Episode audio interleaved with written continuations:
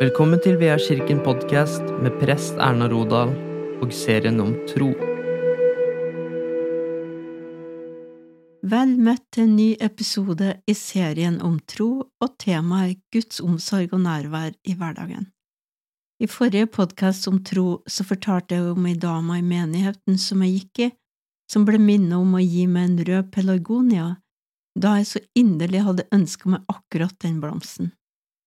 Den gangen så var det jeg som fikk nyte godt av Guds omsorg i hverdagen, og det gjorde noe med min forståelse av hvem Gud er, at han bryr seg om også de små tingene som betyr noen ting for oss i hverdagen.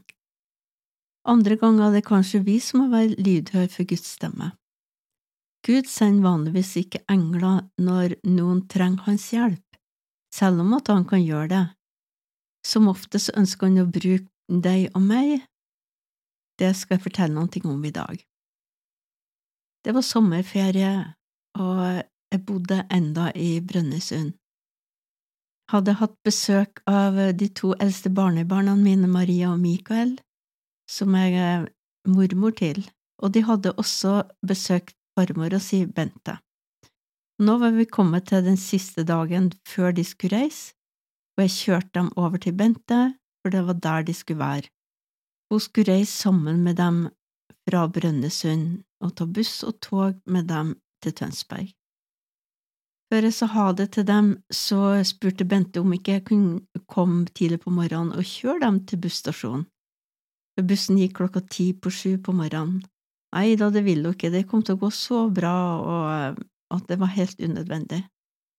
Jeg prøvde igjen å insistere på at jeg kunne komme og kjøre dem til bussen, men hun var veldig påståelig at det behøvde jeg ikke å gjøre, og jeg måtte bare gi meg på det. Men neste morgen, tidlig på morgenen, så blir jeg vekt av en stemme som tydelig sier stå opp og kjør til Bente. Og den stemmen var så tydelig at jeg sto opp med en gang, kledd på meg satt meg i bilen og kjørte til Bente. Da jeg kommer dit, ringer på døra og kommer dit, så er det ganske sånn kaotisk der hos dem, fordi at Bente fant ikke nøklene til ytterdøra. Og hun sier jeg kan jo ikke reise på ferie, jeg kan ikke dra herifra hvis jeg ikke får låst døra. Men hun var faktisk veldig glad for å se meg der, da, for da fikk hun jo mer, mer tid på å lete opp nøklene. Da sa jeg til Bente at jeg kunne ta bagasjen og i bilen, og Maria og Mikael, og vi kunne sette oss og vente til hun, så hun fikk leit, fortsette å lete etter nøklene. Og det gjorde vi.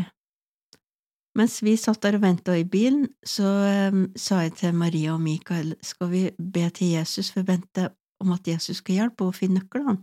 Og det nikka dem, og de var enige om det.